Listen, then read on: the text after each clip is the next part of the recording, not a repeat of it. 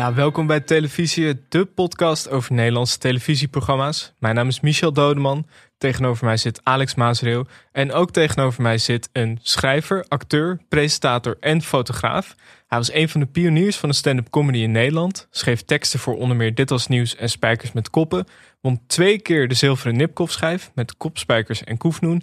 Maakt fantastische foto's en was te horen in de podcastserie Ik Was Jou. Waarin hij spreekt met mensen die hij eerder imiteerde. Welkom, Owen Schumacher. Nou, dankjewel. Ik ga er bijna van blozen. En dan heb ik nog een heel groot gedeelte weggelaten. Want uh, jouw Wikipedia-pagina, daar kunnen we al bijna een dag mee vullen. Oh ja. Ja, nou. En die maken ook nog keuzes waarvan ik denk, nou, ik zou andere keuzes hebben gemaakt. Maar Heb je hem niet zelf uh, geëdit ooit? Dat je dacht, nee. ik moet hem zelf even bijwerken? Ik wel eens de aanvechting gehad, maar ik, ja, nou, maak het niet zo belangrijk. maar goed. Uh, Hoe is het met je? Ja, goed wel. Ja, nou ja, het is uh, ook voor iedereen eigenlijk een, een wonderlijk jaar natuurlijk. Dus, ja. En wij zouden eigenlijk dit jaar in het theater staan. Dus dat, daar was alles voor opzij gezet. En ja, dat is natuurlijk nu onmogelijk. Ja zou de Koefnoen in het theater gaan doen. Mm -hmm. Dus dat, uh, uh, er is nu de première uitgesteld naar januari 2022 is het dan, hè, volgend ja, jaar. Ja. ja. Jongen, ja. Dus dan, ja. Maar jullie waren daar wel, was het eigenlijk al af? Het, uh... Ja, nou, een flink eind al wel, ja. We waren uh, vorig jaar bezig met het schrijven. en het accent zou meer komen te liggen op onze eigen types. Dus imitaties en dat soort dingen wordt natuurlijk ook sowieso lastig in het theater. Ook omdat je dan het omschminken en zo niet hebt. Dus uh, het, het, zou meer focussen op onze eigen types. En we hadden een thema daarvoor verzinnen, hoe, verzonnen hoe die types daarop zouden reageren. En toen kwam corona en eigenlijk heel veel dingen die we toen geschreven hadden, die voelden alweer hopeloos ouderwets. Dus om het te hebben over vliegschaamte. Terwijl je dacht, mocht ik in god maar weer vliegen. ja, dat weet je. Dat, uh, uh, dus ja, we gaan het allemaal weer opnieuw aanpassen. Zodra we weten dat het ook echt doorgaat. En we zijn ja. natuurlijk wel gewend om met een korte deadline te werken. En dus dan passen we het wel weer aan naar de tijd dan. Het moet toch een beetje de tijdgeest vangen. Ja. Die verandert nu om de twee weken ongeveer. Dus, uh, en je kan bijna niks meer met actualiteit voorbereiden eigenlijk. Nee, en, en ook, je merkt ook aan jezelf wel dat je sfeer om de zoveel weken weer omslaat. En dat je dan denkt, ja nou heb ik echt wel weer helemaal genoeg van. Aan de andere kant denk je, ja, oh ja, nou komt er weer een nieuwe variant. Nou moeten we toch maar weer even allemaal. Dus, um, um, nee, dus uh, uh, zo word je permanent een beetje heen en weer geslingerd eigenlijk. maar het gaat er komen. Ja, we zijn heel benieuwd. Ben, ben jij eigenlijk een beetje van het, terugblikken en het terugkijken?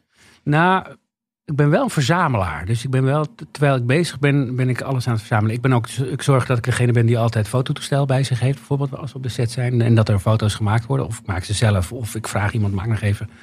En ik, ik, koester wel die, uh, die uh, momenten, zal ik maar zeggen. Maar ik ben voor jullie vanmorgen dan nog weer eventjes dat fotoboek door gaan bladeren. Om te kijken wat we ook allemaal weer gedaan hebben. Ja. En heb je dan ook wel eens dat je echt iets van jezelf terugkijkt? Uh, ja, ik heb daar niet zo heel veel problemen mee. Ook omdat wij, wij zaten altijd zelf ook bij de montage. Dus je, ik heb mezelf inmiddels al zo vaak teruggezien. Dat ik al dat ik precies weet, al mijn ergernissen ben ik al voorbij. Dus, uh... nou, dat is fijn, want we gaan vandaag ook ruim een uur oh. terugblikken. En we gaan ook terug luisteren. Um, waar ik ook nog wel benieuwd naar ben, heb je nog wel eens dat je iets ziet, bijvoorbeeld op tv, bijvoorbeeld vorige week was er zo'n RTL-debat. Ja. Heb je dan wel eens dat je denkt, oeh, hier wil ik wat mee of hier... Nou ja, er zijn, er zijn wel momenten geweest de afgelopen jaar, ook met al die, uh, uh, die persconferenties of Hugo de Jonge of zo. Of uh, Erik Wiebes had ik graag nog wel een keer mijn tanden in willen zetten. Of het zit bijna in de categorie te veel eer. Maar als je af en toe iemand als Wieberen van Haga ziet of zo, is dat denk je mm -hmm. wel van, ah nou ja, die verdient het wel om een keer op zijn nummer gezet te worden of zo. Dus dat, uh, ja, af en toe wel, ja. Ja, ik moest daar aan denken, omdat een van de fragmenten die wij uh, hebben klaargezet, misschien leuk om daar even naar te luisteren, is um, ja, de, de, mensen of de, de, de politie van het CDA bij Ik hou van Holland. Ja. De Hollandse lijstjesronde. Hoeveel typische CDA-eigenschappen kunnen jullie noemen? Uh, 6 was 7. 8. 10. Henk Bleker. Nee, je moet er getallen. 3. Boven de 10. 11. Oké, okay, noem 11 CDA-eigenschappen. Integer. Nee. Standvastig. Nee, jongens, nee. CDA, hè? Principieel? Hij staat er niet bij. Kom op, denk maar. Ehm mediageil. Ja, dat is goed. Ja, tien. Hobbyboer. Ja, ook goed. Negen. Kom op, jongens. Gaat lekker. Eh, solidariteit. Eh, Nee, nee, die staat er niet op. Oh, wat was het spannend. Wat zaten jullie er dichtbij? Ponyfokker. Nee, Ad, het eh, spel is afgelopen. Nee, even Henk uitschelden. Goed, wat was de top 20 volgens het Nederlandse publiek? Wat hadden jullie moeten noemen? Even kijken. Machtswellust, onbetrouwbaarheid, verdeeldheid en opportunisme. ja. Natuurlijk. Ja, thuis voor de buis is het altijd zo eenvoudig, hè. Maar als je hier dan eenmaal staat, met je, met je klotsende oksels, dan valt het de donder nog niet mee, hè. Ja, hoe komt zoiets tot stand? Eh, ja, nou, dat, Ik hou van Holland was natuurlijk altijd al een, een heel succesvol programma. En eh, we dachten wel steeds, eh, ja, daar moeten we eigenlijk wat mee. Hoe, eh, maar wat doe je er dan mee? Ja, en toen was die enorme crisis binnen het CDA. En, eh, en met Mauro en, eh, en Henk Bleker. En eh, ja, dat viel toen op een gegeven moment allemaal precies eh, op zijn plek. Dus je had iets opgespaard waar je dacht, oh ja, dat, dat, dat, dat format willen we een keer wat mee. En het nieuws was toen zo groot dat het, eh, ja, dat, dat het op, op een gegeven moment valt het samen. En dat zijn eigenlijk altijd de beste momenten. eh, Dat, eh, dat, dat de vorm en de inhoud precies klopt. En daar Ja. waren we altijd een beetje naar op zoek.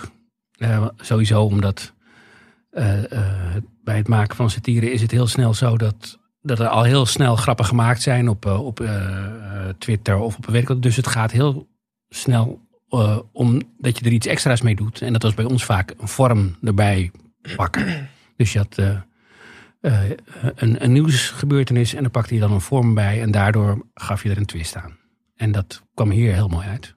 Ja, Want jullie hadden bij, je hoort hier in het fragment eh Ad Kopjan, de Ja. Die toen, eh, Ja, Frans van Deursen speelde Ad ja. ja. niet onverdienstelijk natuurlijk, maar Nee. Ad Kopjan heeft jullie toen een hele lange mail gestuurd, toch? Ja, knettergek. Ja, die, die heeft inderdaad echt eh, een, een mail gestuurd naar Frans. Dat het toch echt niet zo zat. En of die een keer langs wilde komen om te zien wat zijn werk inhield. En eh, het Frans mijn keurige brief terug te zien. Ik, ik, hoef je, ik hoef niet een dag met je mee te lopen om te weten wat voor een druiloor je bent. Dus die, die heeft daar vriendelijk voor bedankt. Is dat dan een teken dat het juist extra geslaagd is? Of hou je daar extra voldoening uit? Of laat Ja, het dat vond ik wel leuk. Ja, ik had er wel plezier om. We hadden daar allemaal wat, wat een gek. Zeg maar, neem het niet zo serieus. Het is, ja, ja, ja, dat was wel extra leuk, vond ik, ja. Was dit nog voor het beruchte CDA-congres ook? Of daarna al? En, een beetje- Oeh, dat weet ik eigenlijk niet. Ik denk, ik denk dat het daarna was, ja. Want ik denk, ik denk ja, want eh, Bleker was hier denk ik al eh, staatssecretaris. Dus, eh, dus ze hadden al besloten dat ze in het kabinet zouden. Nee, dat was natuurlijk ook al een, een circus waar je gewoon qua satire niet overheen kon, dat congres, toch? En een creatieve goudmijn natuurlijk ook, lijkt me voor jullie. Ja, nou ja, dat is natuurlijk. Als je, het leukst is het als er eh, mensen in het kabinet zitten die er eigenlijk niet helemaal voor geschikt zijn. Mhm. Dus, eh, en dat, dat is een beetje het, het, het jammere de laatste tijd. Dat er, dat er zoveel politici helemaal van tevoren helemaal eh, gecheckt zijn en gemediatrained zijn. Dus die, die zijn, de- maken niet meer zulke ontzettende... Kijk, zoals Jan-Peter Balkenende, die kwam opeens, werd hij premier en was eigenlijk misschien misschien inhoudelijk wel geschikt, maar die had helemaal geen idee hoe hij zich daartoe moest verhouden. Mhm. En dat was, dat, daarom was het heel erg leuk om. eh, terwijl nu zou, denk ik, de selectie daarvoor al zo streng geweest zijn dat hij nooit op die positie zou zijn gekomen, omdat hij misschien wel slim genoeg was, maar eh, met de media niet handig genoeg was. Ja. Dus het zou moeilijker zijn om de politici van nu in die zin te imiteren. Ja, soms. Ze zijn soms zo. Ook, eh, en ook, eh, eh, nou ja, iemand als Rutte is natuurlijk... Als je zelf alles al weglacht. Ja. Ja, wat, wat kun je dan nog doen, weet je wel? Dus eh, die gaat, die, die, als je hem imiteert, gaat hij zeggen... Oh, kostelijk, zo goed gedaan, zo goed gedaan. ja, zo gaaf. Ja, dus, en dan is, het, dan is het lol er een beetje vanaf, weet je Dus eh, Voor je podcast heb jij ook natuurlijk mensen gesproken die je geïmiteerd hebt. ja. Waren er toen ook mensen die jou absoluut niet wilden spreken? Ja, dus, nou ja, we hebben, ik heb in ieder geval Frank de Graven en eh, Jan-Peter Balkenende benaderd. Maar die eh, eh, hadden om uiteenlopende redenen argumenten waarom ze geen gehoor gaven aan het verzoek. nee, de, de, dat vond ik jammer. Maar dat is. Jan-Peter Bakker zei, gaf aan. Ik kijk helemaal niet meer terug. Ik heb me uit dat leven eh, teruggetrokken. En ik heb nu een andere carrière. Nou, dat snap ik hartstikke goed. En het is ook zo. Je ziet hem ook bijna nooit meer. Nee. En Frank de Graaf was toen net aangenomen bij de Raad van State. En hij zei van, nou ja, ik ben nu net aangenomen bij een nieuw instituut. Ik moet daar boven de partij staan. Ik heb nu geen behoefte om eh, daarop terug te kijken. Maar heb je hen bijvoorbeeld in de jaren daarvoor, ben je wel eens tegen het lijf gelopen? Of? Eh, ja, nou ja, Frank de Graaf heeft, is sowieso altijd heel sportief geweest hoor. Dus die heeft eigenlijk altijd wel gezegd eh, dat hij, ach ja, dat, dat hoort erbij bij de functie en dat soort dingen. En is ook, toen wij de allereerste Kopspijkers DVD eh, uitbrachten, heeft hij het eerste exemplaar in ontvangst genomen. En was daarbij eigenlijk een soort morele winnaar. Ja. En zei daarbij ook, en dat was wel grappig, ik ben hier in het Hol van de Leeuw bij de VARA. En eh, ik wil jullie hartelijk bedanken, want ik heb nog nooit zoveel voorkeurstemmen gehad als sinds ik word nagedaan. En toen waren we, stonden wij eigenlijk een beetje met onze bek vol tanden. We dachten, dat was niet de bedoeling. Ja. Dus eh, eh, ja. Ja, Hij gaf daarmee eigenlijk ook wel bijna een soort van een les in hoe je ermee om moet gaan. Want dat is eigenlijk de beste manier. Ja, ja als je het, eh, zodra je het te serieus neemt, eh, eh, ja, dat is, dat, is niet, dat is niet handig, denk ik. Dus als je als gepersifleerde zelf ook zelfspot toont, dan is dat denk ik het beste, ja. Ja, het eh, lijkt me ook nog leuk om eventjes, eh, nu we toch in een fragmentje zitten, te luisteren naar iemand die jij eh, ook niet in de podcast hebt gehad. Eh, Willem Holleder. Oh ja, nee. Heb je die wel gevraagd? Of, ja, nou ja, om nou naar die EBI te gaan, dat leek me ook weer zo'n gedoe. Maar Laten we even gaan luisteren naar de aflevering van Koefnoen waarin de college tour werd nagedaan. We zijn aangekomen bij de laatste vragenronde. En mijn naam is Bart, een student bewegingswetenschappen. Weet je? En zoals je wellicht weet, of misschien ook niet, dat weet ik eigenlijk niet. Ben jij eigenlijk een lezer, Willem? Ja, je, je lijkt me meer een doener, namelijk. Ja, ja.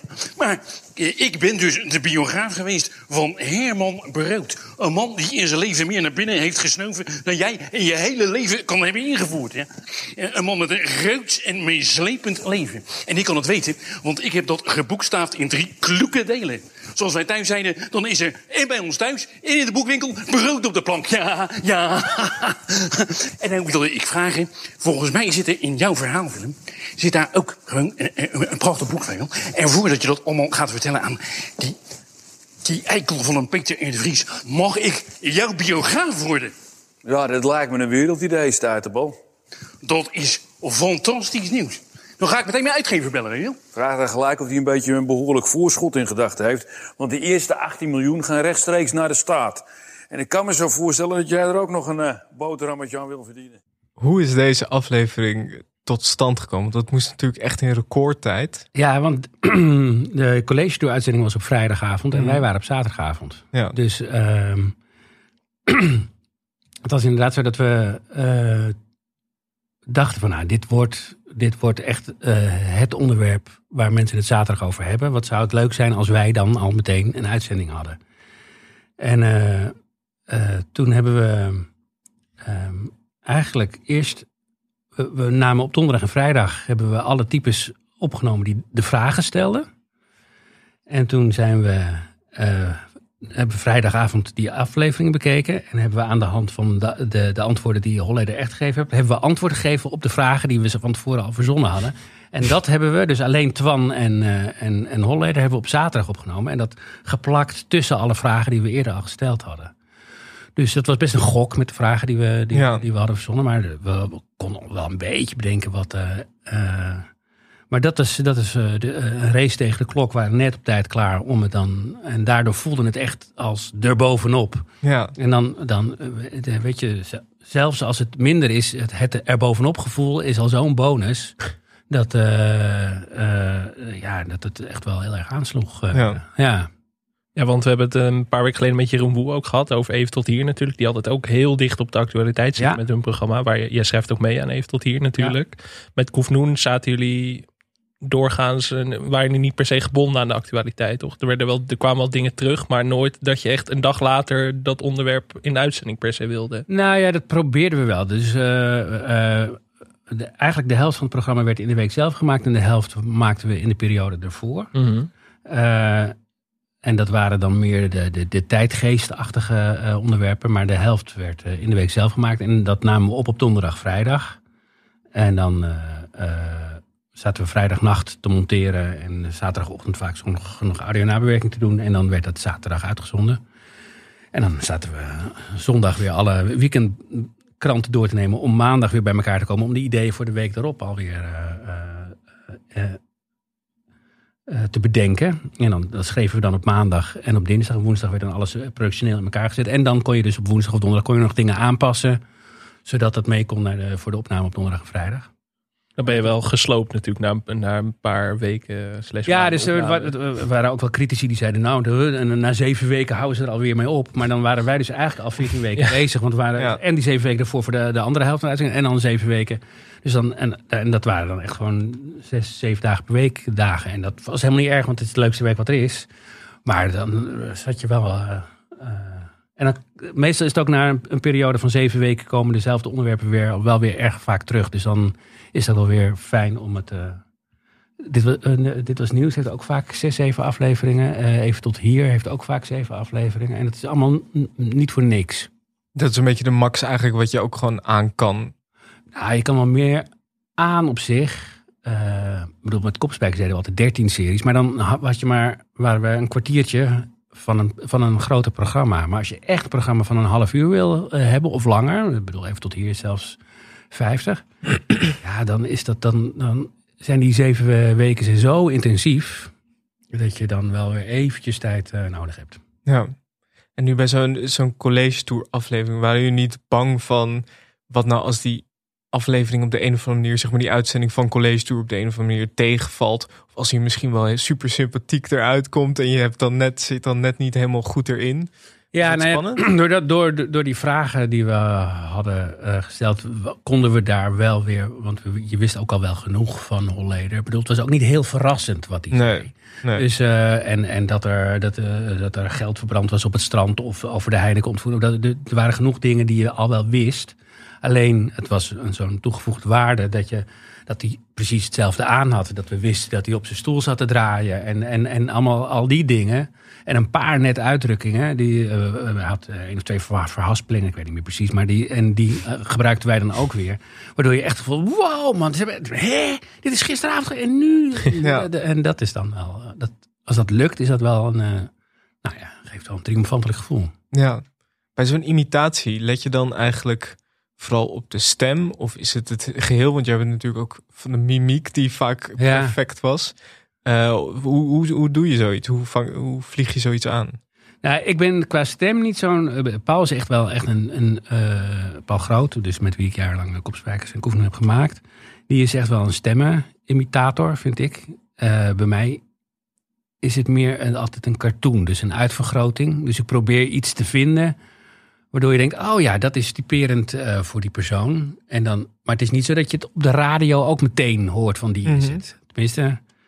ehm, dus ik probeer altijd meer een soort eh, uitvergroting van te maken, waardoor je, als het goed is, ik vind dat het mooiste compliment als mensen zeggen, ik kan niet meer naar die persoon kijken zonder jou daar ook bij te zien of zo. Ja. Dat vind ik altijd wel leuk als dat gelukt is.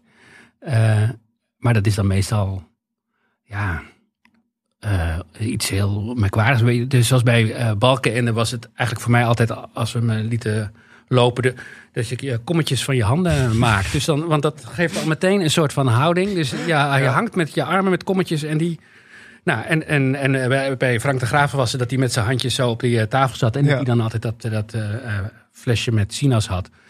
Dus het zijn eigenlijk dingen waarvan je denkt, ja, dat deden ze helemaal niet. Of, of, maar het, het, voor mij en voor ook mensen geloofden dan wel van, oh ja, dat, dat doet hij dan of zo. Dus dat is... eh, Het lijkt ook een beetje bijna op het ontcijferen van een code. Dat je dan net datgene moet hebben waarvan mensen inderdaad denken van... oh, dit past er perfect bij. Maar dat, ik kan me voorstellen dat je daar misschien best wel lang naar moet zoeken soms. Ja, en soms had je daar langer de tijd voor.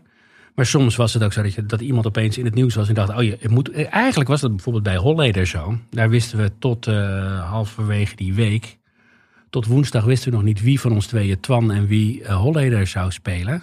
Dus dan gingen we naar de, de visagie, de vers, die ja, onze pruik altijd deed.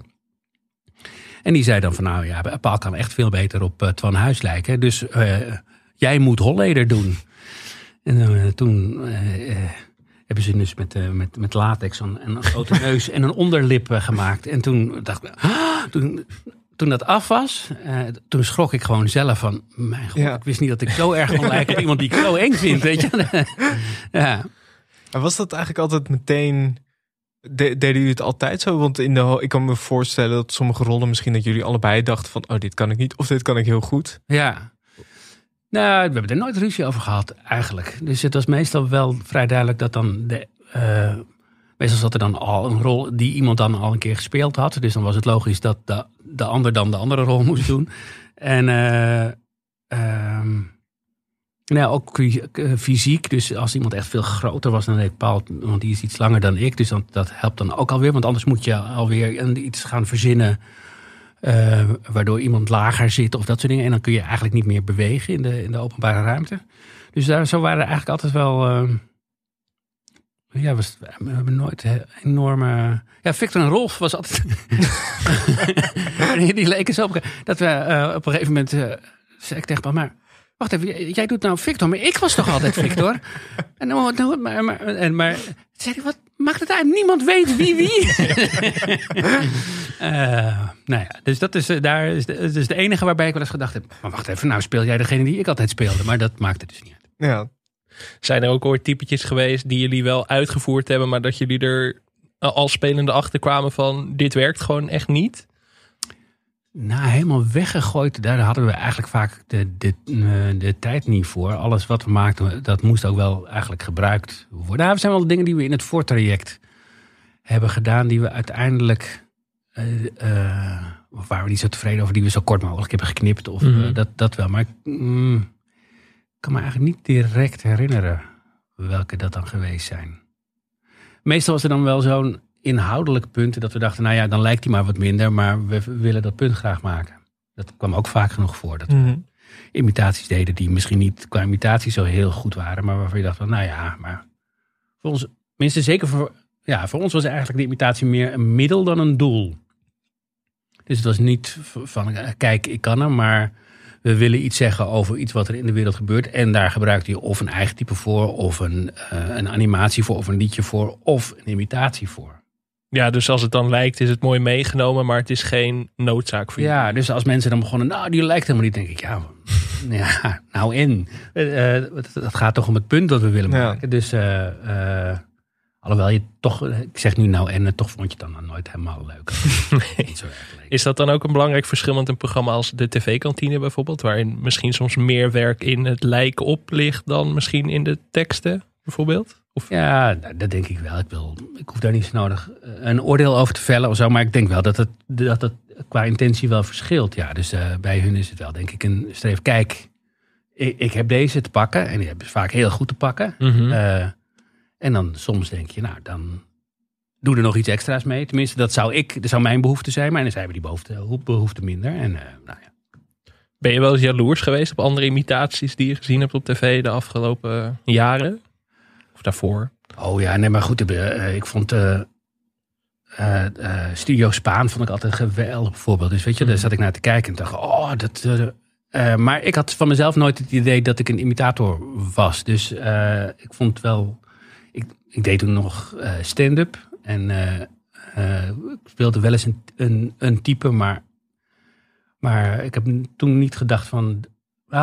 Vroeger Coat en Bier dacht ik wel van, oh, als ik dat toch eens zou mogen doen later. Ik wil, ik wil later Coat en Bier worden. Dat heb ik wel gezegd, ja. Dus dat is eh, ehm, wat, wat voor mij dan blijkbaar net zo inwisselbaar was als Victor en Rolf. Hè? Dus, eh, Ehm, nee, dus eh, ja, iemand als Erik van Muiswinkel vind ik echt wel vaak ook heel goed. Die kan ook echt codes kraken. Dan. Je had het Ja. net over, weet je wel. ja. dus dat iemand dan de code gekraakt heeft. En daarna, elke imitatie die je doet, is dan eigenlijk de code die iemand anders al gekraakt heeft. En dat is, ook, dat is soms ook, dat was het vervelende soms met de tv-kantine. Dat je dan eh, een imitatie wilde doen en dan was hij al gedaan. En dan dacht je, oh, ja, dat is de code. Dus dan Ja. wil ik eigenlijk een andere code vinden. Want anders dan ben ik de imitator aan het imiteren. En dat is, eh, dat is niet leuk om te doen eigenlijk. Nee. Ja, dat vond, dat vond ik zelf ook altijd het leuke. Dat hebben we ook in de aflevering met Studio Spaan over gehad. Dat je altijd, en dat hadden jullie ook, dat je jullie er nog wel in terugzag. Ja, En ook wel een zekere, zeker wat bijvoorbeeld Erik van Muizenwinkel, die heeft natuurlijk ook een bepaald, nou, die kennen we ook als cabaretier, een bepaald type humor en een bepaald soort grappen. En ik had altijd het idee dat je dat, je dat bij jullie ook toch wel er doorheen zag. Ja, Erik is daar nog principiëler in. Eh, die, die zegt dat elke, ik vind eigenlijk eh, een, eh, zo'n plastic neus en dat soort dingen. Dat hoeft eh, van mij. Ik vind het echt een beetje. Nou, dat ligt op de grond. Andere lenzen. Dat, maar ik, ik wil niet. als het een masker wordt, dan kan iedereen het. En dan is het is voor mij de lol eraf. Dus Ja. die is daar. ik vind het nog soms nog wel lekker om dan iets te hebben waardoor je denkt: oh, nou word ik echt helemaal anders. Alhoewel ik helemaal van die, van die eh, 3D. Eh eh, eh, schmink, weet je wel, dus die echt. eh, ik heb wel eens Robert van Beckhoven gedaan, maar dan was echt gewoon. Mijn hele hoofd was gewoon van latex. ja. En dat is dan toch niet zo leuk, want dan denk je dat zou dan bij iedereen eigenlijk kunnen. Dus dan is Ja. het nog wel de stem die dan lijkt en een beetje het fysiek. Ehm, maar dat is toch, het is toch. Ik vind het ook leuker. Ik vind het ook qua.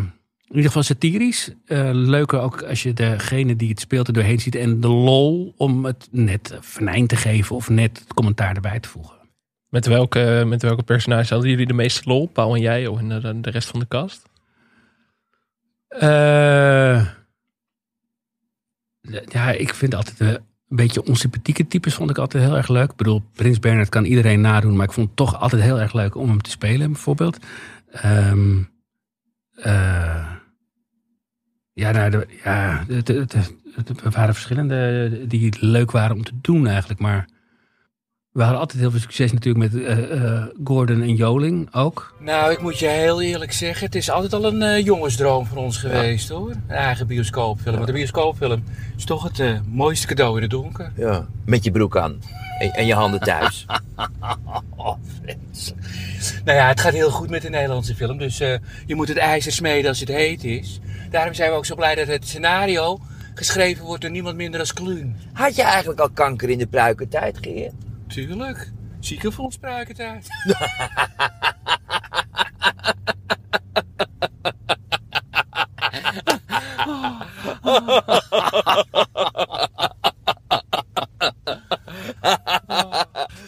daarbij was het ook zelf wel. Dat, je, het werkte ook echt wel aanstekelijk als je de hele tijd alleen maar om elkaar zit te lachen. Dus daar, daar kom je ook in een soort van slapte. Dat het, eh, en het is ook inderdaad echt, je moet eigenlijk gewoon je schaamte uitzitten. En, en dan alles eh, gewoon op, op seks weten te, te richten.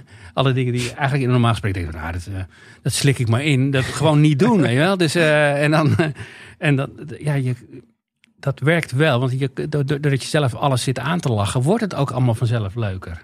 Terwijl als je een, een beetje een negatief type Paul had, bijvoorbeeld altijd als hij, eh, hij heeft een paar keer had hij Wilders gedaan.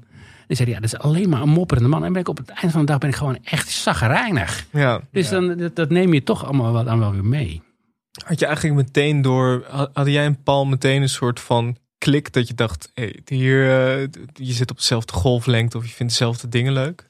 Ja, ja, maar we kennen elkaar al, eh, al, al wel langer. Dus we- voor het eerst dat we samen zijn gaan werken was in 96 voor, voor Dit Was Nieuws. Daar zaten we in het schrijfteam. En daarin hebben we elkaar eigenlijk vooral gevonden in eh eh, eh, conscientieusheid. Dus de, dat je het doorgaat tot, het, tot, tot je tevreden bent. En, eh, en dat we wel om de, ook om dezelfde soort van dingen konden lachen. Dus meer ook om de formuleringen dan, dan alleen om de gedachtes. We zaten in het dan met, ook met, met eh, Dolf en eh Dolf Jansen en Hans Sibbel. En een heleboel mensen hebben in dat, in dat gezeten. En eh, die hadden vaak gewoon, ah ja, een grap over dat of en dat. En, en bam, de, en hoe de precieze formulering, daar kwamen ze zelf wel op, weet je wel. Want dat, waren natuurlijk meer cabaretiers die dat dan op dat moment lieten ontstaan. Terwijl wij vonden het leuk om echt te zitten puzzelen op hoe is die, precies, die zin zo precies goed. En zo. Mhm. Ehm, en omdat wij ook degene waren die op dat moment niet een eigen theaterprogramma hadden, gingen de anderen gingen vaak dan op een bepaald moment gingen ze weg, want dan moesten ze s'avonds ergens spelen. En wij moesten dan zorgen dat het toch nog helemaal af was, het script. Dat, en dat gaat eigenlijk ook later bij, eh, bij, bij Kopspijkers wel. Dus dan gingen mensen als Erik of Thomas van Luin of Sanne de Vries of zo, die moesten op een gegeven moment moesten die weg, want die moesten s'avonds in het theater staan.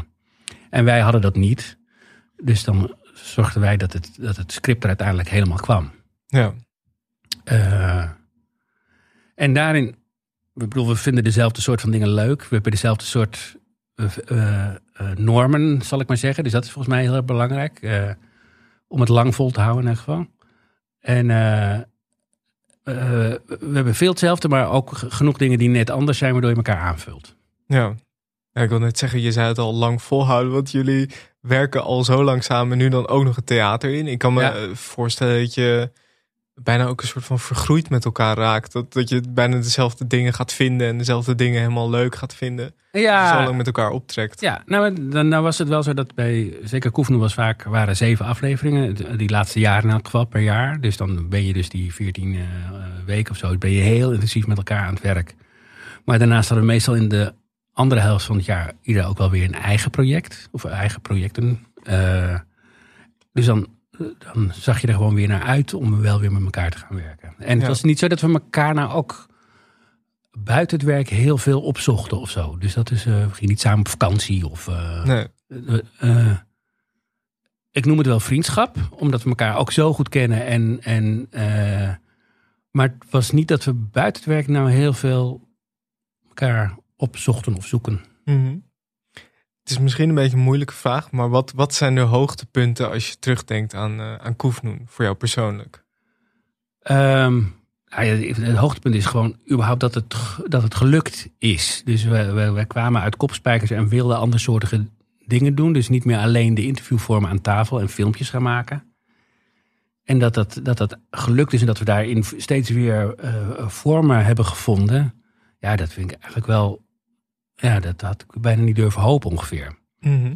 En dat komt denk ik wel omdat, omdat ons echt de ruimte is gegeven. En dat, dat zie je gewoon bijna niet meer. Wij, wij kwamen van Kopspijkers en waren dus eh, eh, op de top van, de- van de roem, zal ik maar zeggen. Daar keken op het laatste eh, 3,5 miljoen mensen naar of zoiets. En eh, wij zeiden, we, wilden, we willen wat anders gaan doen.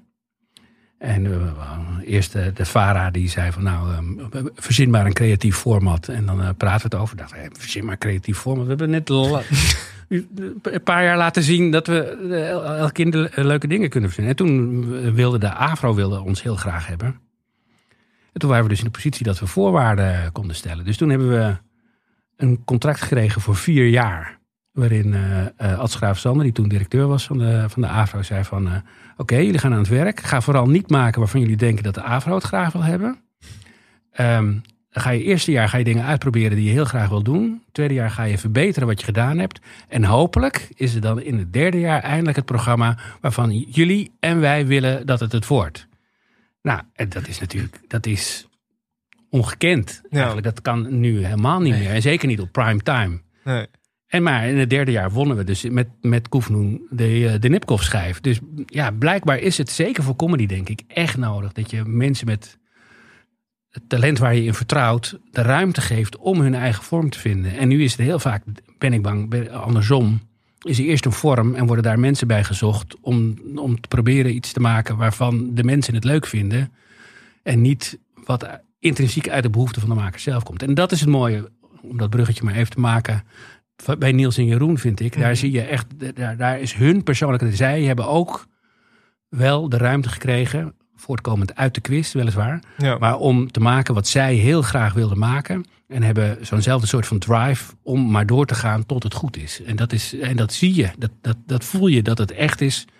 Dat daar, dat daar, eh, en dan is het dus ook helemaal niet erg of is het zelfs een voorrecht om daar dienstbaar aan te mogen zijn. Omdat je voelt dat daar een, een drive onder zit. Ja. Ja, want wij hebben het in deze podcast ook al vaker gehad over dat het bij comedy best wel cruciaal is dat je gewoon de tijd krijgt om iets neer te zetten. En Ja. als jullie waren afgerekend op het eerste jaar van Koefnoen, dan was er misschien... Ja, er zaten een heleboel eh, behoorlijk slechte dingen bij. Ja. Dus dan was het misschien nooit... Dan als het in de Nee, tijd van nu was gemaakt, was het misschien niet eens doorgezet. Of een Ja, ik denk dat het, eh, als het in de tijd van nu was, dat het sowieso nooit op de zaterdagavond zou zijn gekomen. Eh, dat we dan eerst echt een heel eh, format hadden moeten maken. Terwijl we nu hebben we die vorm gevonden. En elk jaar deden we weer andere dingen er ook naast. En, en eh, probeerden we weer andere dingen uit en zo. En dat, ik denk dat je, dat je in deze tijd heel erg in een formule geduwd zou zijn. En liefst iets wat al in het buitenland zichzelf bewezen had. En geldt trouwens niet alleen voor televisie hoor. Het is in het theater ook veel meer zo. Dat, dat, toneelstukken of dat soort dingen. Dat ze liever iets hebben waarvan ze denken dat heeft in het buitenland al gewerkt. Dan eh, eh, om iets helemaal nieuws te maken. Een bewezen succesformule of een franchise Ja, of zo. Ja, En dat mensen misschien ook liever eh, nu zeggen van de nieuwe kopspijkers en dan verzinnen we er later wel wat bij dan dat je de makers de ruimte geeft om zelf met ja, te ja. komen. ja, nee, dat is sowieso. Het is een soort van nostalgisch gevoel over. Oh ja, we moeten, we, we moeten weer het nieuwe kopspijkers maken. Hoe, hoe vaak ik dat de afgelopen twintig jaar niet gehoord heb. Terwijl ik dan eigenlijk altijd zeg van nee, zoek mensen die iets die graag hun mening over het nieuws willen geven. En laat hun de vorm kiezen die ze zelf heel graag willen doen. En dan krijg je waarschijnlijk iets goeds. Want anders krijg je mensen die een vorm gaan doen die anderen al gedaan hebben. Ja, want je hebt natuurlijk ook je hebt, eh, meegespeeld in Van Zon op Zaterdag volgens Ja, mij. ja. Eh, dat is een programma, volgens mij dat is nog tijdens Koefnoen gemaakt wel. Ja, zeker, zeker. Ja, eh, Coyones ook nog eh, daarna. Dus dat, eh, daar was een beetje het probleem dat, dat er een heleboel hele goede mensen aan werkten, maar die allemaal niet deden wat ze al in een ander programma aan het doen waren.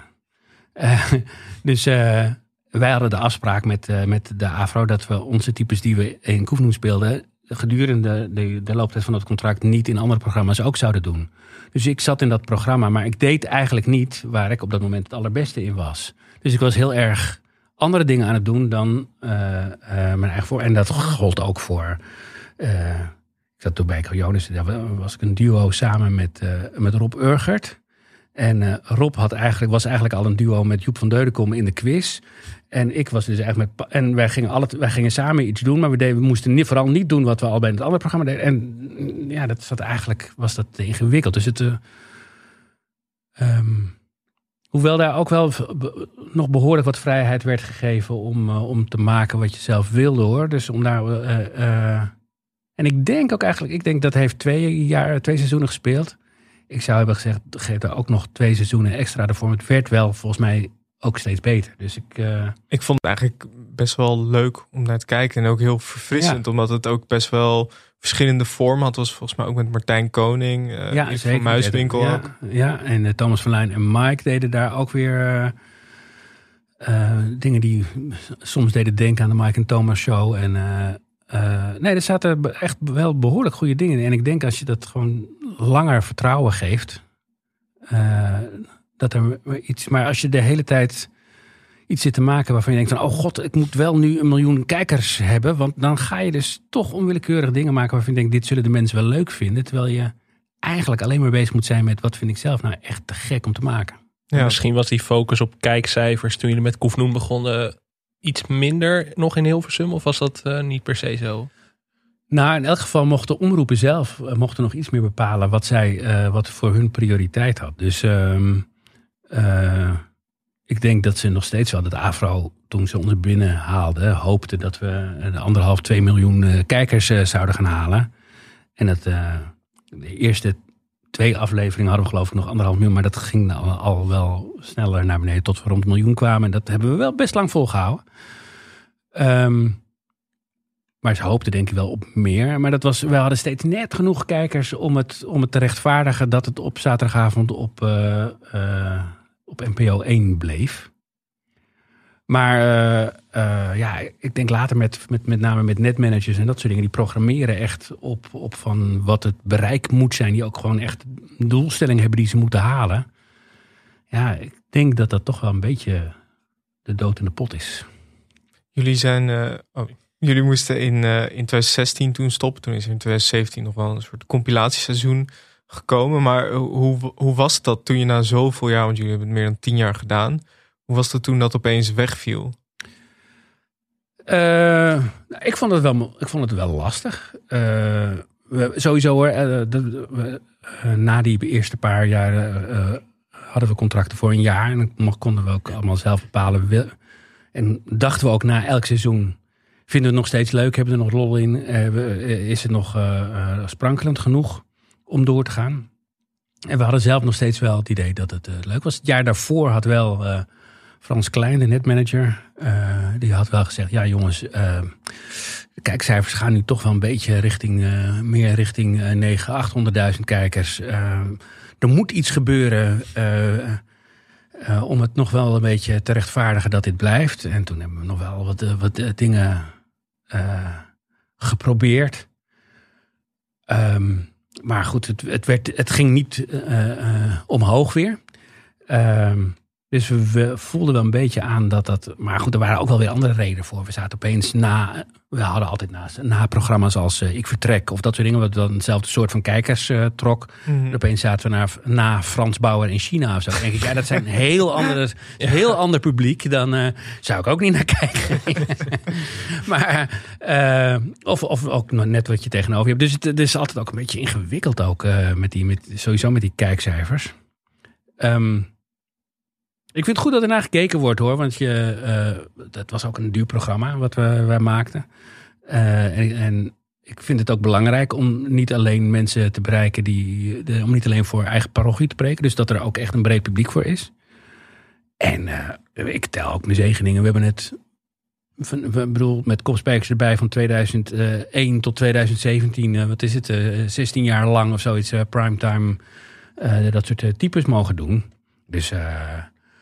Maar puur persoonlijk eh, merkte ik wel dat ik het lastig vond om eh, mijn speeltje kwijt te raken gewoon. Dus eh, dat, dit, dit was ook jarenlang een soort rechtvaardiging voor alles wat ik deed. weet je wel? Dus eh, ehm, ik deed de de andere helft van het jaar dan ook wel andere dingen. Maar dat, dat kon ik doen voor mezelf, omdat ik, ja, we hadden Koefnoen. Dus, eh, en daar werkte je hard voor, om, dat, om daar in serie, als satiremaker serieus genomen te worden. Ehm, en eh, het, ongeveer tegelijkertijd was ook mijn, eh, eh, mijn oudste dochter, werd eh, eh, 18, 19 en ging het huis in. Dus opeens de twee rollen die ik jarenlang gespeeld had, namelijk de satiremaker van Koefnoen en vader en zo, leken alle twee een beetje tegelijkertijd op te houden. Dus dat vond ik toen wel eventjes dat ik dacht, "Ah, wat ga ik nu met de rest van mijn leven doen? Ja. Maar de, de, de- er is altijd wel genoeg andere leuke dingen die ook Ja. de, de moeite waard zijn om te maken. Dat je jezelf echt opnieuw uit moest vinden, had je dat gevoel na Koefnoen? Of viel dat wel mee? Nou, nee, ik niet. eh, Ik bedoel, ik ben niet een, ik ben niet een ander mens geworden of zo. Absoluut niet. Maar het is de, de rol die je hebt, de vanzelfsprekendheid. Dat, dat, eh, en ik geloof, ik, ik, maak mezelf in elk geval wijs dat het ook niet ging om de, om de, om de aandacht of om de.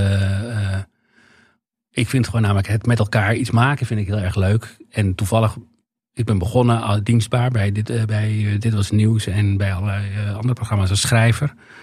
En toen langzamerhand via kopspijkers eh, en koefnoen. Maar ik vind het nu ook weer heel erg leuk om dus voor, voor even tot hier of voor andere programma's dingen te schrijven. Dus het met elkaar iets maken is wel erg leuk. Maar dat, dat, dat moment vond ik gewoon de, de, de 2016 dat iemand anders besliste.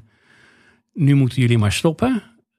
Ik had zelf gedacht, laat ons nog één of twee jaar doorgaan. Dan hadden we het zelf besloten. Ja. En dan had ik er, eh, eh, was, ik het, was het bevredigender geweest. Jullie gaan nu theater in met Koefnoe, maar heb je ook wel overwogen van moeten we niet gewoon eens aankloppen nog bij de NPO van kunnen we dit niet gewoon weer gaan doen? Ja, maar ja, Of ergens anders? ja, nou ja, dat wordt ook misschien wel weer een beetje sneu of zo. Dus eh, Ja, dat je gaat bedelen bij de omroep van geef ons alsjeblieft weer een programma Ja. of zo. als ze bij ons komen bedelen.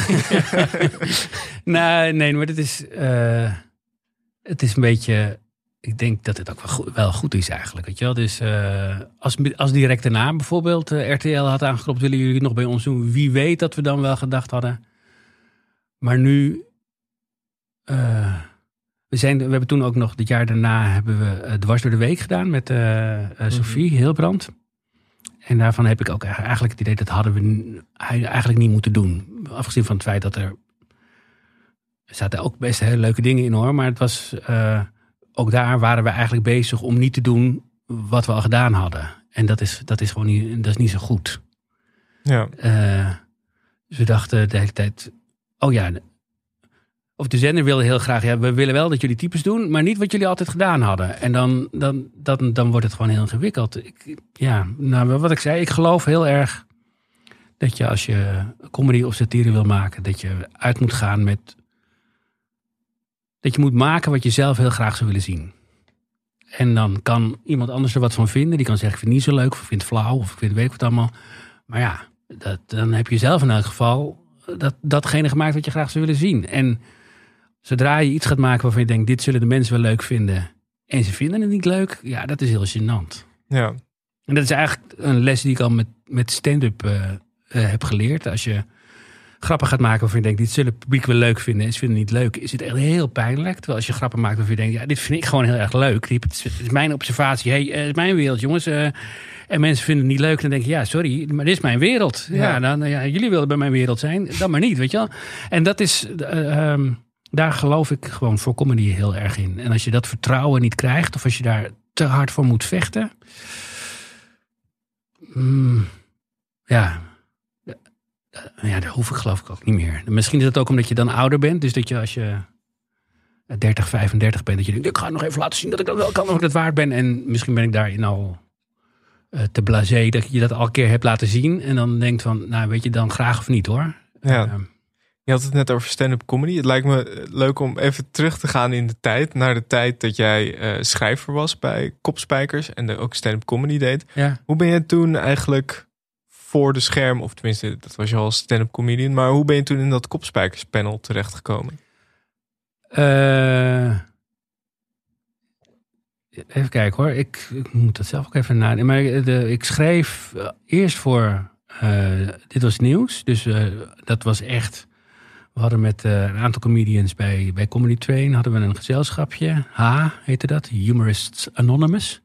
En daarin kon je, die kon je inhuren als je je programma leuker wilde maken. En dan wist je dus niet precies wie je kreeg. Maar wij bepaalden dan van, oh ja, en dan schreef gewoon grappen voor, voor programma's. En toen hadden wij eh, Dit Was Nieuws gezien en wilden we heel graag Dit Was Nieuws maken. Dus toen schreven we daarvoor.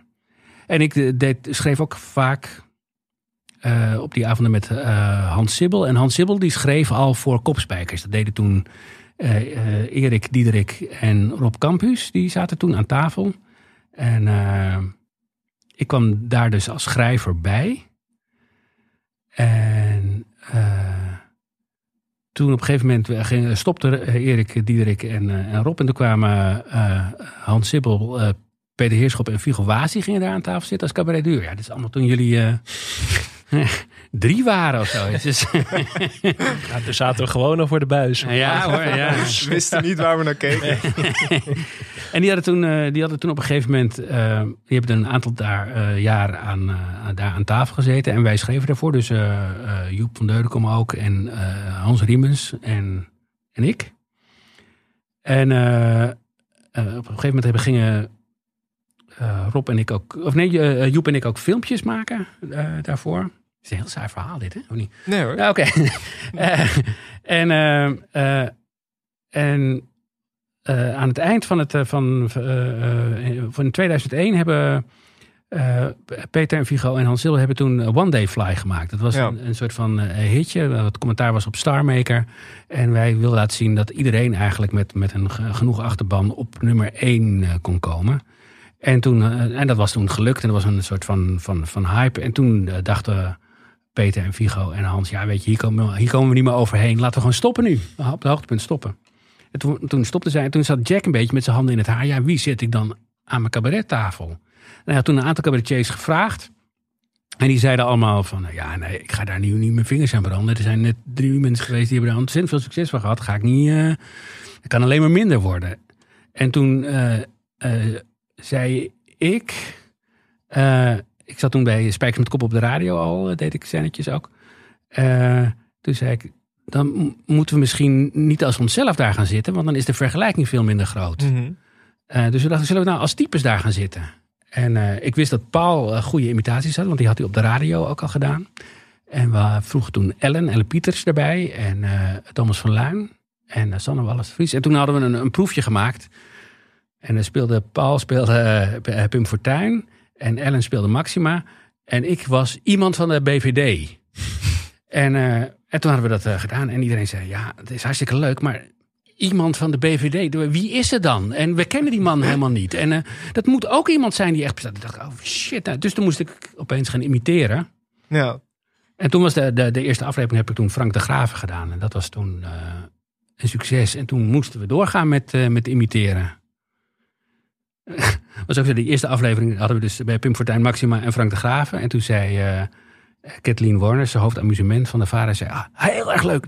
Volgende week weer die types. En wij zeiden: nee, nee, volgende week drie andere types. Want en toen hadden we de week erop hadden we eh Jort Kelder, Jan Marijnissen en Ron Brandsteder. En dat was echt heel slecht. Dat was, heel, was echt niet leuk. Toen zei ze: na afloop zei ze, nu weer die types die jullie vorige week deden. Ik zei, nee, volgende week doen we weer. dus dat is, dat is een beetje de neiging van die omroep om dan vast te houden aan iets waarvan. eh, eh, en toen zijn we de, ook bij eh, de- die types aan tafel, zijn we langzamerhand ook meer filmpjes gaan maken. Ehm, met eh eh, Ivonie op bezoek bij Bin Laden of eh, allemaal van, eh, van dat soort filmpjes. En dat vonden we eigenlijk nog veel leuker. Omdat die interviewvormen altijd met nou meneer Spijkerman dit en nou meneer Spijkerman. dat- Na een paar jaar hadden we dat Ja. wel gehad. Eh, dus toen wilden we meer van die filmpjes gaan maken. En dat, dat dachten we, ja, dat willen we dan zelf doen. Daar hebben, we- daar hebben we dan Jack niet bij nodig. Hoe, hoe dankbaar we hem ook waren om ons de kans te hebben gegeven. Ja. We kunnen even gaan luisteren naar een fragmentje van Kopspijkers. Dit eh, ben jij als Frank de Graven. Oké. zijn roerige tijden. Is het nou oorlog of niet, meneer de Graven? Het is, eh, het is oorlog, het is, eh, het is absoluut oorlog. Dat heeft premier Kok ook heel duidelijk gezegd. Juist. Maar dat heeft hij later weer genuanceerd. Toen was het ineens weer geen oorlog. Het is eh, geen oorlog, absoluut Oh. niet. En dat vind ik nog steeds en daar blijf ik ook bij. Maar ehm, ja, vergis u niet. Nee. There's no question in my mind. Nee, nee. We moeten ze uit hun holen roken. Ja. We moeten ze berechten. Ja, we moeten ja. ze achtervolgen. Ja, ja maar wat even, meneer Graven. Ik hoor u nu gewoon eh, George Bush napraten. Ja, dat heet hier buitenlandse politiek. Ja. Sorry, sorry, sorry, Dank u, maar eh, ik, ik, ik hoor u niet. Maar ik hoor u wel. En de hele wereld hoort u. En de mensen die dit gedaan hebben, zullen allemaal binnenkort van ons horen. Nobody fucks with Frank de Graven. Het leuke hieraan vind ik dat eh, voor ons is Frank de Graaf natuurlijk van voor ons Ja, tijd. man, En prehistorisch. Ja. veel eigenlijk ook wel meer kopspijkers types. Maar eh, alsnog zit zeg maar textueel zo sterk in elkaar. Dat het toch gewoon heel grappig is. En dat heb je ook wel bij sommige Koefnoen types. Dat, dat dan het zijn natuurlijk ook de onbekende, gewoon eigenlijk eh, jullie creaties. Maar ook wel bij de bekendere types die je eigenlijk helemaal niet kent. Maar dat je er toch iets in herkent. Dat je denkt, ja, ik kan me voorstellen dat iemand zo praat. Ja. Of zo is. En dat het dan toch ontzettend grappig is. Ja, ja nee, dat is, dat, dat is altijd leuk als dat lukt. Als iets eh eh, exemplaar iets voor iets wordt, toch? Dus dat is, Ja. dan, dan heb je blijkbaar iets gevangen wat, wat bestaat of zo, wat mensen herkennen. Dus Paul heeft, heeft, heeft, heeft dat type, die, die Ipi, dus die vrouw met het rode haar, die altijd nooit iets zegt en altijd tegen de klippen op het altijd gezellig komt, eh, eh, pro- pro- probeert te maken. En nou ja, wel, we krijgen echt eh, regelmatig nog steeds foto's opgestuurd van mensen die een echte IP hebben gezien. Of die, eh, weet je, dus eh, dat dan. Of die, eh, iedereen zegt, ja, dat, die ken ik, dat is echt eh, sprekend mijn schoonzuster. Of, eh, de- nou ja, dus dan, dan bestaat het. En dan is het eh, extra leuk. Ja, want eh, wat mij ook opviel is dat je bij kopspijkers veel politici imiteerde. Dat heb je natuurlijk ook in Koefnoen veel gedaan. Ehm, kwam dat echt door het programma of zit daar voor jouzelf ook een fascinatie? Eh, ja, ik geloof zelfs dat die fascinatie bij mij groter was dan bij Paul altijd. Die had er soms wel een beetje genoeg van. Ehm, ja, dus ik vond het leuk om. eh, ik was vroeger, en dat is nou helemaal eh, prehistorisch, maar ik was vroeger altijd een ontzettende fan van eh, eh, Spitting Image.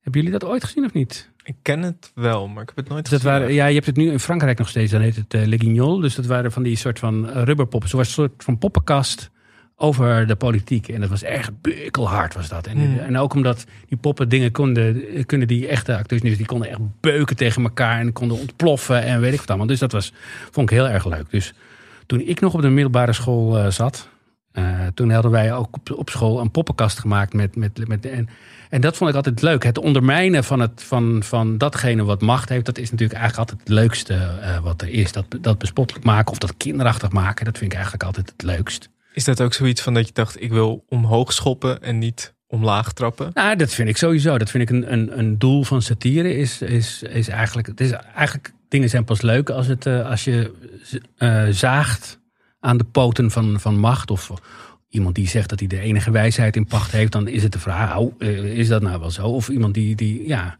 als je dat doet ten opzichte we hebben eigenlijk geprobeerd om nooit ehm, alleen maar mensen uit te lachen of zoiets. Ook in de types die we zelf creëerden, was het toch eigenlijk dat er altijd een soort van hoop wel of empathie in zat. En niet alleen maar van, ah, die mensen zijn zo dom of die zijn zo. eh, maar dat er eigenlijk altijd wel iets in zat wa- waardoor je eerder god, agressie of, of zoiets dacht dan, pff, die zijn stom. Het is eigenlijk precies wat je hebt bij zo'n EP als je die ziet. Ja. Dat je er een beetje medelijden Ja. mee krijgt. Dat je, je hoopt dat het goed afloopt en dat loopt het nooit net niet helemaal af. Geef die meid even een knuffel. Weet je, dat, dat, dat is, dat is, ja. Dat vind ik eigenlijk belangrijker wel. Dat je, en dat is ook, ja, dat is denk ik wel. De, de, de satirici zeggen dat vaak natuurlijk. Hè? Dus uh, punch up, never down. En dat, dat, dat, dat, dat vind ik ook. Dat is ook de taak eigenlijk van een satiricus. Ja. En dat er wel altijd ehm 10% hoop in moet eigenlijk of zo misschien. Of eh, iets van... Ja, empathie. toch wel. Ja, er moet wel iets van. Dat vind ik wel. eh, dat vind ik wel belangrijk, denk ik. Dat er toch ook. eh, dat vind ik leuker dan alleen maar de- als, het te zwart wordt of te, te, te, eh, te naar of zo. Dan, dan kan ik er soms wel om lachen als anderen dat eh, eh, doen hoor. Dus dat, eh, eh, maar ik vind het zelf vind ik het wel leuker als het toch nog iets van hoop geeft. En sommige types eh, die verdienen het natuurlijk ook wel om, eh, zeker de, de, mensen die in de hoogste bomen klimmen, om, eh, om zichzelf. Ja, dan, dan is het.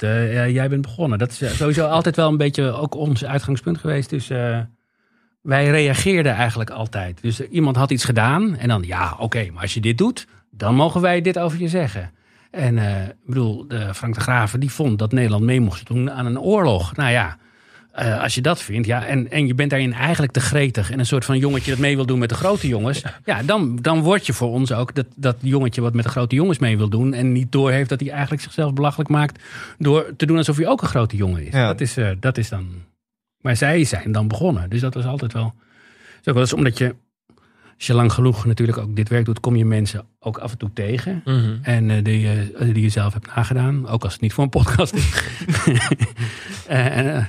Eh, eh, eh, maar ik kan dat eigenlijk volgens mij altijd bijna wel met opgeheven hoofd eh, doen. Omdat ik bijna altijd kan zeggen: ja, maar wacht even, jij was begonnen en daarom hebben we dit gedaan. Dus, Ja. ja.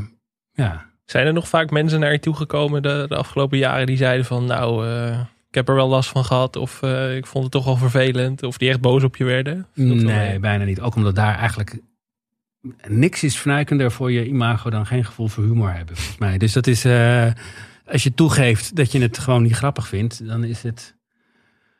eh, zelfs dus eh, Andries Knevel, die een van de weinigen is die ooit gezegd heeft dat hij het niet zo leuk vond, heeft heel uitdrukkelijk gezegd: Ik vind het niet erg dat je, dat je satire maakt. Ik vind het ook niet erg dat je mij, mij nadoet. Maar wat ik echt niet leuk vond, was dat je mij liet vloeken. En daarvan kan ik nu achteraf, zeg ik nu ook. Ja, dat was eigenlijk ook echt een beetje. Dat was eigenlijk ook misschien wel een beetje kinderachtig. Hoewel satire hoort natuurlijk ook wel een beetje kinderachtig te zijn. Maar dat zou ik misschien nu minder snel doen. Omdat, het, omdat ik het dan net iets te makkelijk vind of zo. Ja. Je hebt natuurlijk die podcast gemaakt, eh, Ik Was Jou, waarin je dus mensen sprak die je geïmiteerd hebt. Eh, was dat voor jou nog confronterend om dan met die mensen aan tafel te zitten? Eh, ja, soms ook wel. Soms ook wel, ja.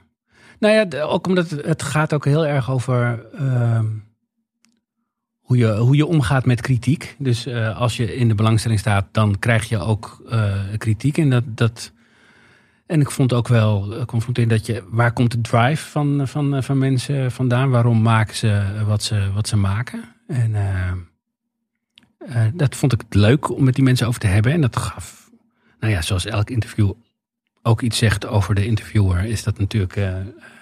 Wat zegt dit interview over ons? nee, ja, dit, oh, dit, gaat ook niet heel persoonlijk natuurlijk. Maar eh, dat- dat was wel de bedoeling van die podcast. Mhm. Wat is de drive van iemand? Wat, wat motiveert je om te doen wat je doet? Waarom, waarom doe je het? eh, en trotseer je de kritiek eigenlijk? Eh, je zoekt het soms ook echt op. Ehm, en wat doet dat met je? Nou, zo kom je ook wel een beetje soms achter dingen van jezelf. Wat, wat zijn er dingen die je hebt geleerd? Eh, nou, dat, eh, de- bijvoorbeeld waar ik net over zet, dat wat mij betreft nu de, de, de bewijsdrang om te laten zien, kijk ik door toe. Kijk, Papa zonder handen, dat is nu een beetje over eigenlijk. En dat is, dat is volgens mij wel een heel belangrijke motivator om, om, om iets eh, te laten zien. Kijk, kijk ik, doe- ik, ik, ik doe het. En eh, zie je Mhm. wel, ik, ik zei toch dat ik het kon. Nou, en niet dat mijn, mijn ouders absoluut niet in, in mij geloofd hebben of dat soort dingen of zoiets hoor. Maar wel, het, het, het, is ook best... eh, ik ben heel wat keren van, eh, van eh, stand-up comedyavonden thuisgekomen. Dat ik s s'avonds in mijn bed lag en dacht, waarom doe ik dit in godsnaam? En als het dan uiteindelijk het toch wel lukt. Dat je denkt, zie je wel, ik, ik doe wel iets wat de moeite waard is of zo. Nou, en dat... en, en nu is dat weer wat minder geworden, die bewijsdrang. Omdat je het al een keer hebt laten zien. En nu kan ik me veroorloven om te zeggen, ik doe nu vooral dingen die ik heel erg leuk vind om te doen.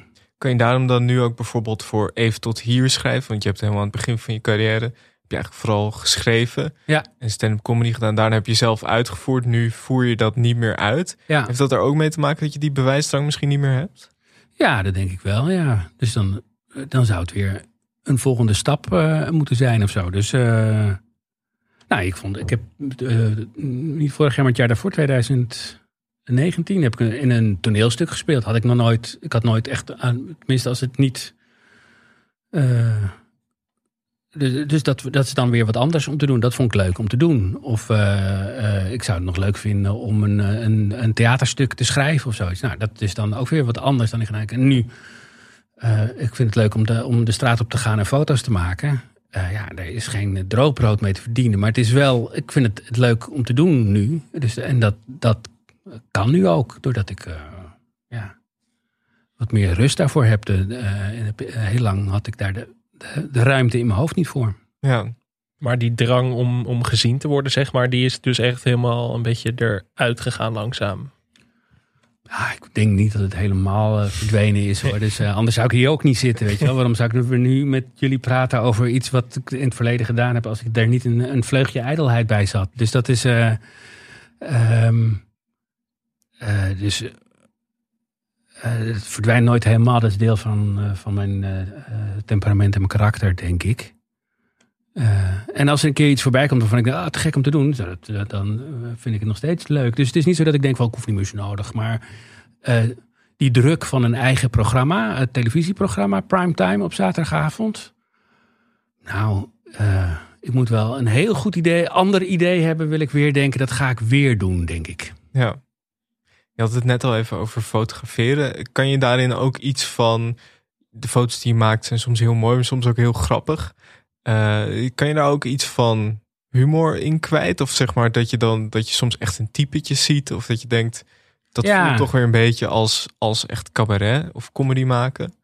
Nee, het is, het is wel eigenlijk, merk ik, dezelfde manier van kijken. Alleen eh, via een ander medium weer. Dus eh eh, Kees van Koten zei laatst ook in een, in een volgens mij een podcast met eh, Gijs Groenteman. Je zoekt, eh, je zoekt steeds nieuwe verpakkingen voor dezelfde manier van kijken. Dus hij deed dat met, nu, was nu haiku's aan het maken. En dat vond ik eigenlijk heel mooi gezegd. Dat ik, ah ja, dat is, dat is het eigenlijk. Je, je hebt een bepaalde manier waarop je naar de wereld kijkt. En je zoekt steeds andere manieren eh, om, om, om jezelf niet te, te blijven herhalen. Om dezelfde manier waarop je kijkt op een andere manier. En voor jezelf weer spannend ehm, eh, aan anderen te tonen. Want blijkbaar heb je toch wel behoefte om het ook aan anderen te tonen. Ehm, maar de, de, verpakking daarvoor kies je, kies je steeds weer anders. Dus dat is een tijd lang stand-up geweest. Dat is een tijd lang het schrijven voor andere programma's geweest. Een tijd lang een eigen programma geweest. Is nu foto's maken of andere dingen schrijven. Of, of interviews doen. Of eh, eh, dienstbaar zijn aan, soms aan, ook aan wat anderen maken. Ehm, maar het blijft jouw manier van kijken. En je zoekt daar eh, nieuwe cadeauverpakking voor. Denk je dat mensen die jou goed kennen, jouw foto's ook zo er tussenuit zouden kunnen pikken? Van dit is Owens manier van kijken? Ja, dat geloof ik wel, ja. Er zijn wel eens mensen, ik zet ze op Instagram, hè, dus er zijn wel eens mensen die zeggen van, eh, als ik door mijn tijdlijn scroll, zie ik altijd meteen, oh, daar, is, daar komt een, eh een Owen Schumacher voorbij. ja. Het lijkt me ook heel eervol. Ja, ja, ja dat, is de, dat is een mooi compliment, ja. Wat zijn eigenlijk dingen waar je zelf nu graag naar kijkt? Op tv of... Ik ben wel echt een veelvraat hoor. Ik kijk echt heel veel televisie. Ook heel veel, niet zulke hele goede televisie. Eh, En ik had daar altijd het excuus voor dat ik dat deed. Om, om, omdat ik er misschien ooit een parodie over moest maken. Maar dat excuus heb ik helemaal niet meer. Dus ik blijk het gewoon leuk te vinden. Ehm, nee, ik kijk nu minder comedy eigenlijk. Misschien ook wel omdat ik er anders te technisch naar kijk. Of kijk wat ik er wel goed aan vind of wat ik er niet. Dus ik kan minder onbevangen ernaar kijken. Ehm, ja, kijk, de, de, de, de voorspelbare dingen als eh, eh, eh, Ru- Ruben Terlouw of de, de, het, het zaad van Karbaat. Die, ik weet niet of jullie die gezien hebben. Dat vond ik echt hartstikke. Ook omdat, het, ook omdat je denkt van wat een type man. Dat, eh, en, er zijn drie afleveringen, ik heb ze nu vooruit gekeken, maar daar zit er op een gegeven moment een man die, die het echt gedacht heeft van. Er, er moeten zoveel mogelijk nakomelingen van mij op de wereld komen. Dat is echt fascinerend. Ik vind ook programma's als eh, eh, De Rijdende Rechter of eh, dat soort programma's, weet je wel. De, de familiediner, oh heerlijk vind ik dat. Gewoon omdat het, omdat het ook om mensen gaat, waarbij je eigenlijk ook altijd een soort van empathie voelt. Ik snap, ik snap waarom je boos bent, maar man, je, je drukt het allemaal zo onhandig uit. En dat, eh, dat vind ik wel heel erg leuk. Dat, eh, dat heb je natuurlijk bij best veel eh, programma's. Kopen zonder kijken. Of, eh, weet je wel. En dat, soort- ja, ik, ik, ik smul er wel van. Dat is misschien waar wij het net ook over hadden. Dat, ehm, dat je er wel om kunt lachen, maar toch iets van empathie voelt. We hebben het Ja, vaak als gehad. het, als, het, als het alleen maar uitlachen is, vind ik het eigenlijk niet zo leuk. Dus dat is, en soms, het gebeurt wel eens bij de rijdende rechter, dat ik, dit vind ik gewoon zielig. Hou op, hou op. Nee, dat kan ik niet aan. En dan, eh, deze man had tegen zichzelf beschermd moeten worden of zo, weet je wel. En dan is het gewoon niet leuk meer. Dus dat is, eh, ja, ehm, het moet wel, eh, moet wel iets van zijn van, ah, ja, ah god. En haal je daar ook inspiratie uit als je daar naar kijkt? Word je daar creatief van? Ja, dat weet ik niet. Dat denk ik wel. Ik denk dat ik daar een, een bevestiging krijg over types die je wel eens in je hoofd hebt of verzonnen hebt of nog een keer wilt gaan gebruiken of zoiets. Of je denkt, ja, die serie, dat bestaat echt. Of Mhm. mensen, mensen formuleren zo. Of, eh, of als je, als ik weer ga fotograferen en ik loop op straat, denk ik, oh ja, dat is zo iemand die op die manier eh, denkt. Of, of eh, ja, dat vind ik. dus het is, heeft ook allemaal weer te maken met eh, de manier waarop ik kijk. Maar soms denk ik wel eens, ik zou die tijd ook kunnen besteden aan gewoon echt iets goeds bekijken.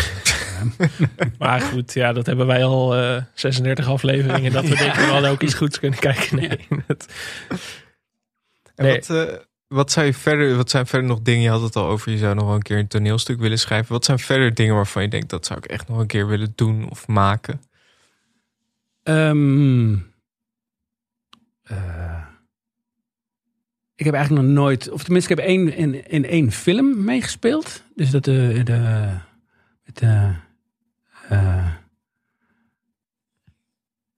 nou, dat vond ik wel vond ik leuk om te doen, maar heb ik eigenlijk eh, eh, met die schapenfilm was dat. eh, wat, wat is dan liefde? Dat vond ik eigenlijk hartstikke leuk om te doen, maar ik had een heel klein rolletje en zo. Maar dan dacht ik, oh ja, dat, is, vind ik ook wel. Dat lijkt me leuk om een keer te doen. Ehm, ik zou dus inderdaad een keer gewoon echt een stuk willen eh, afmaken. Ik heb steeds ideeën voor toneelstukken en dan begin ik eraan. Maar dan is het proces voordat het zover komt, duurt zo lang dat ik op een gegeven moment uitgeïnteresseerd ben. En dat ik dan denk, nu weer wat anders. Maar ik, ik zou mezelf wel eens willen dwingen om dat, eh, om dat wel helemaal af te maken. Ehm, dat zou ik leuk vinden. Een comedy maken, een comedy-serie, zou ik nog steeds wel. We hebben natuurlijk ook in, in Koefenoen op een gegeven moment eh, steeds wel een soort van eh, kleine serietjes gemaakt. Dus eh, de ouders van de Karrekrak bijvoorbeeld, over zo, zo'n oude avond die Mhm. dan. of bedrijfsuitjes, of een aantal van dat soort mensen op een volkstuincomplex. Dat soort van arenaatjes, daar zijn er volgens mij genoeg van, die echt wel leuk zijn om, om daar een soort van een kleine comedy van te maken. Ja. want wij hadden het er toevallig vorige week over dat, dat de comedy-serie aan zich, zeg maar, dat dat een beetje, beetje verdwenen is eigenlijk in Nederland. En ook in Amerika misschien wel een soort van, dat het steeds meer een soort dramedy-achtige vorm is geworden. Met, eh, Ja, de sitcom met, met, met, in een studio met, eh, met, eh, met camera's is natuurlijk... Het is nu altijd multicamera en, en de straat op. En, Ja. ja, een beetje Modern Family of zo'n soort van stijl meer. Maar ja, ik denk eigenlijk een soort van... eh, ik was altijd ontzettend een fan van 30 minuten ook, van Arjen Ederveen. Mhm. Eh, waar ook altijd enorm die empathie in zat, vond ik.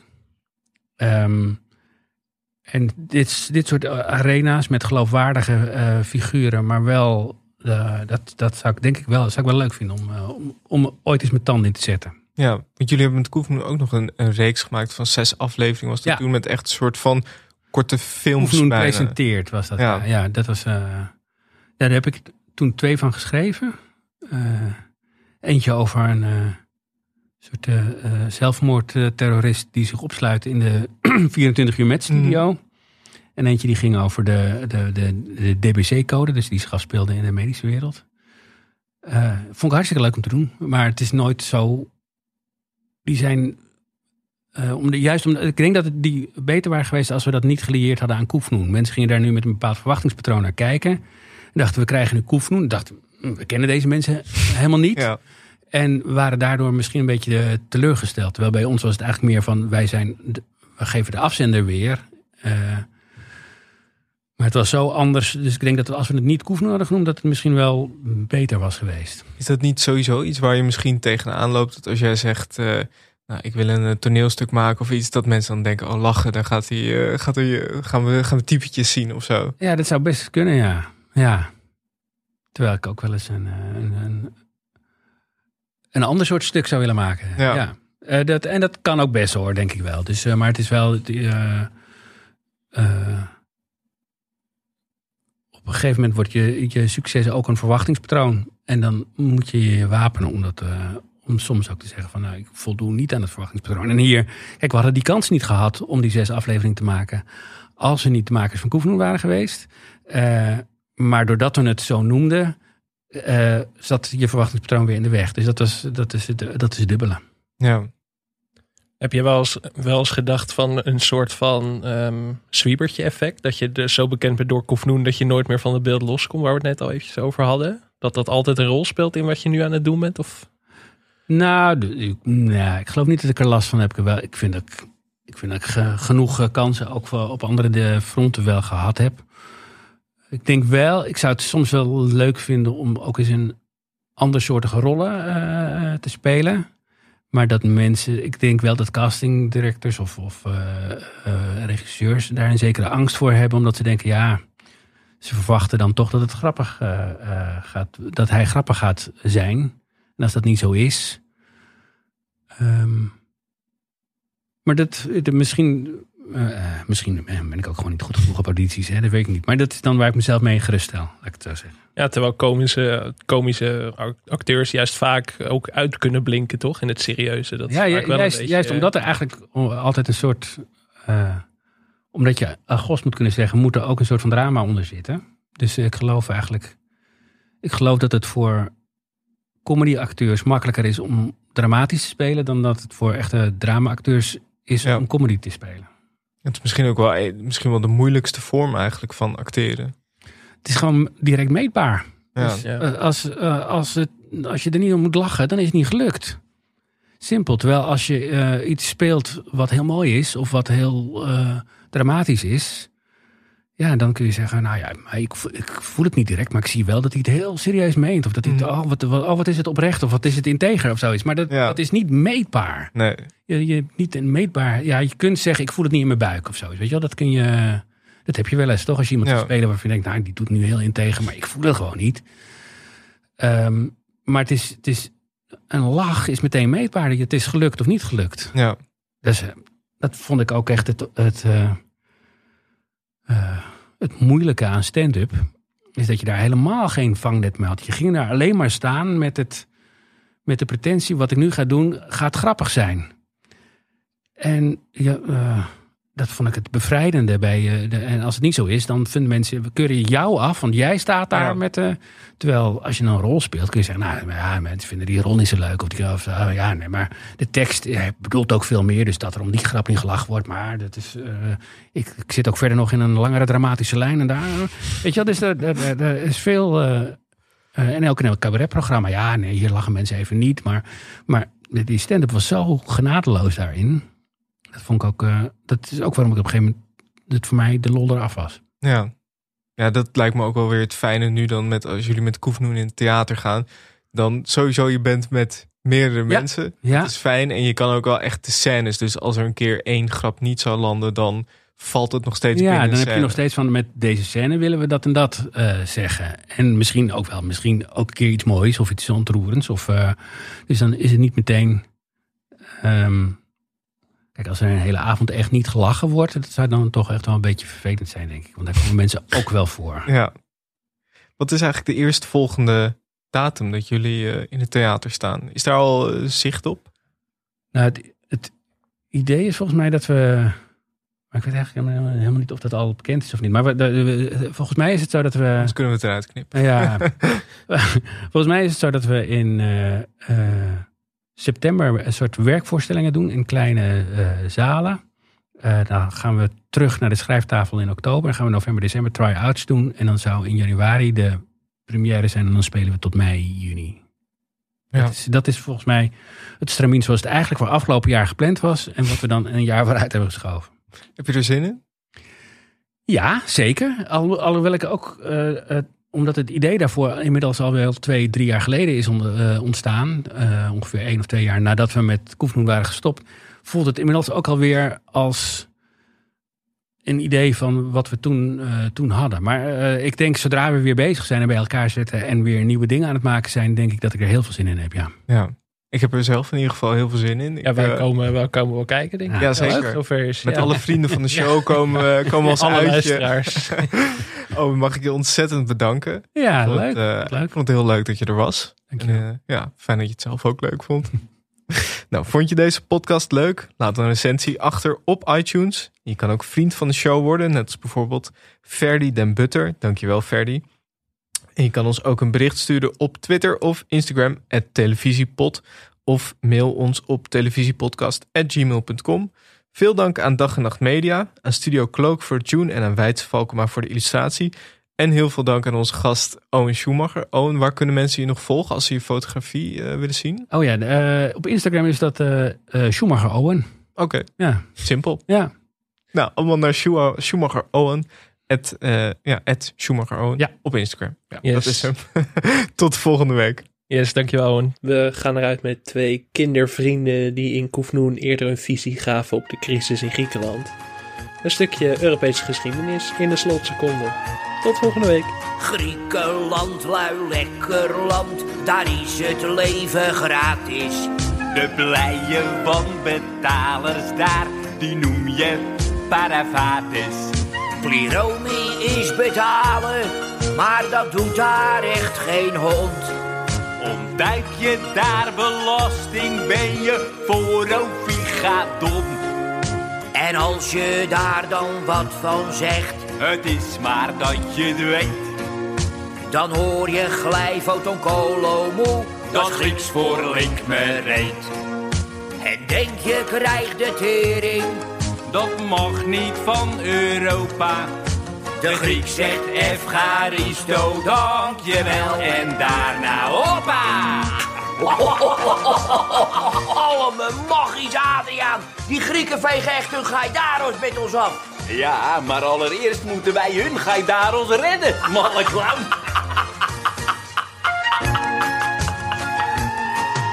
De fiscus heet daar voor ons, maar die is zo om te kopen. En komt niet als in Nederland je reputatie slopen. Je geeft wat dorodokies, dat is meer geld op z'n Grieks. Dan ben je heel Pomiria, zo noem je daar Grieks. Die zorba's zijn zo dom niet, mooi dat ik emigreer.